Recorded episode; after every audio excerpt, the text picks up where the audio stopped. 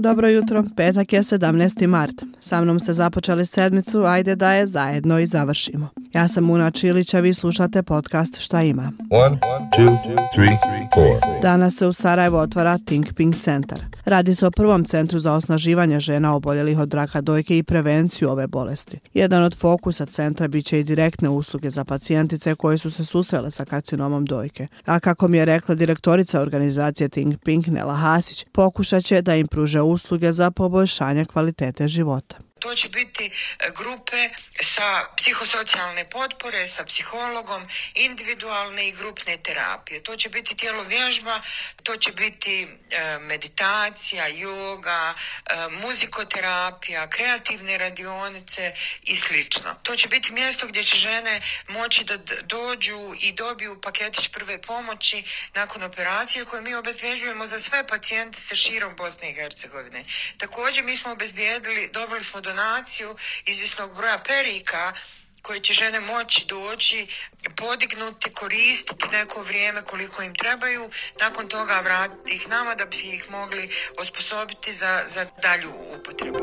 Centar će imati i prostor za konsultacije, stručne sastanke, radionice. Biće smješten kod katedrale u centru Sarajeva, a dostupan je svim ženama u Bosni i Hercegovini.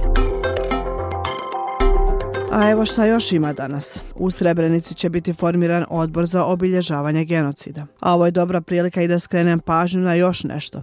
Negiranje genocida na TikToku. Naime, u Memorialnom centru Srebrenice objavili su izvještaj o praksama negiranja genocida, veličanja ratnih zločinaca i govoru mržnje na TikToku. Prko s pravilima o sadržaju, autori izvještaja Slađan Tomić i Tarik Moćević našli su brojne slučajeve negiranja genocida i veličanja ratnih zločinaca. Šta su tačno otkrili, pitala sam Tarika Moćevića. Izveštaj je pokazao ono čega smo svi manje ili više svjesni, da je negiranje genocida u Srebrenici, podstaknuto od najviših nivoa, postalo sve prisutno u društvu.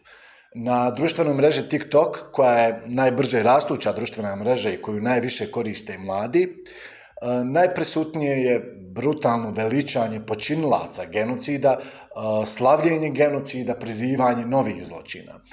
Teško je govoriti o konkretnim brojkama s obzirom na obim sadržaja, ali smo, na primjer, pronašli više videa koja veličaju Ratke Mladića sa ukupno 17 miliona pregleda. A Tarik mi je rekao i koje su to njihove preporuke u suočavanju sa ovakvim štetnim sadržajima. S obzirom na neefikasnost domaćeg pravosuđa, e, što se potvrdilo nepostojanjem niti jedne presude za negiranje genocida nakon usvajanja izmjena krivičnog zakona BiH, takozvanog Inskovog zakona, i s obzirom na očiglednu neefikasnost samoregulacije TikToka, koji načelno ne dozvoljava ovakve sadržaje, ostaje nam samo da pokušavamo sami pospješiti ovu samoregulaciju TikToka tako što ćemo prejavljivati sadržaje. Ono što je bitno naglasiti jeste da tu mogućnost imaju i institucije Bosne i Hercegovine, ali je ne koriste.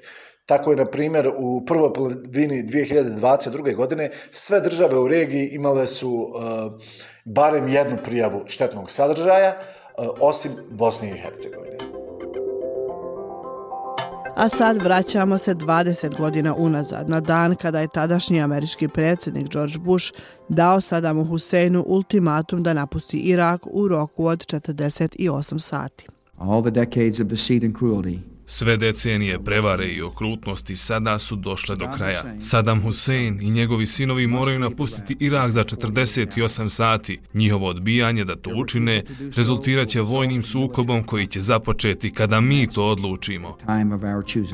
Saddam je srušen za tri sedmice, ali haos je tek tada počeo, odnosno novi višegodišnji sektaški rat, zbog čega su SAD poslale dodatne trupe a o 20. godišnjici rata u Iraku i novoj eri u međunarodnim odnosima možete da gledate i novu epizodu po skriptuma mog kolege Dragana Štavljanina. Epizoda će biti dostupna danas na našem sajtu kao i na društvenim mrežama.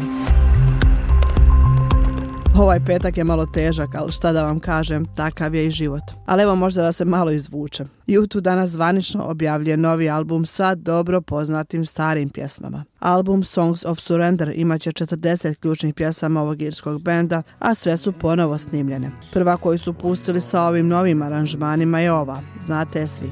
In the name of love One more in the name of love To bi bilo to, ovdje vas ostavljam. Ja sam Una Čilić, ovo je podcast šta ima, a čujemo se ponovo u ponedjeljak. Želim vam svima ugodan vikend.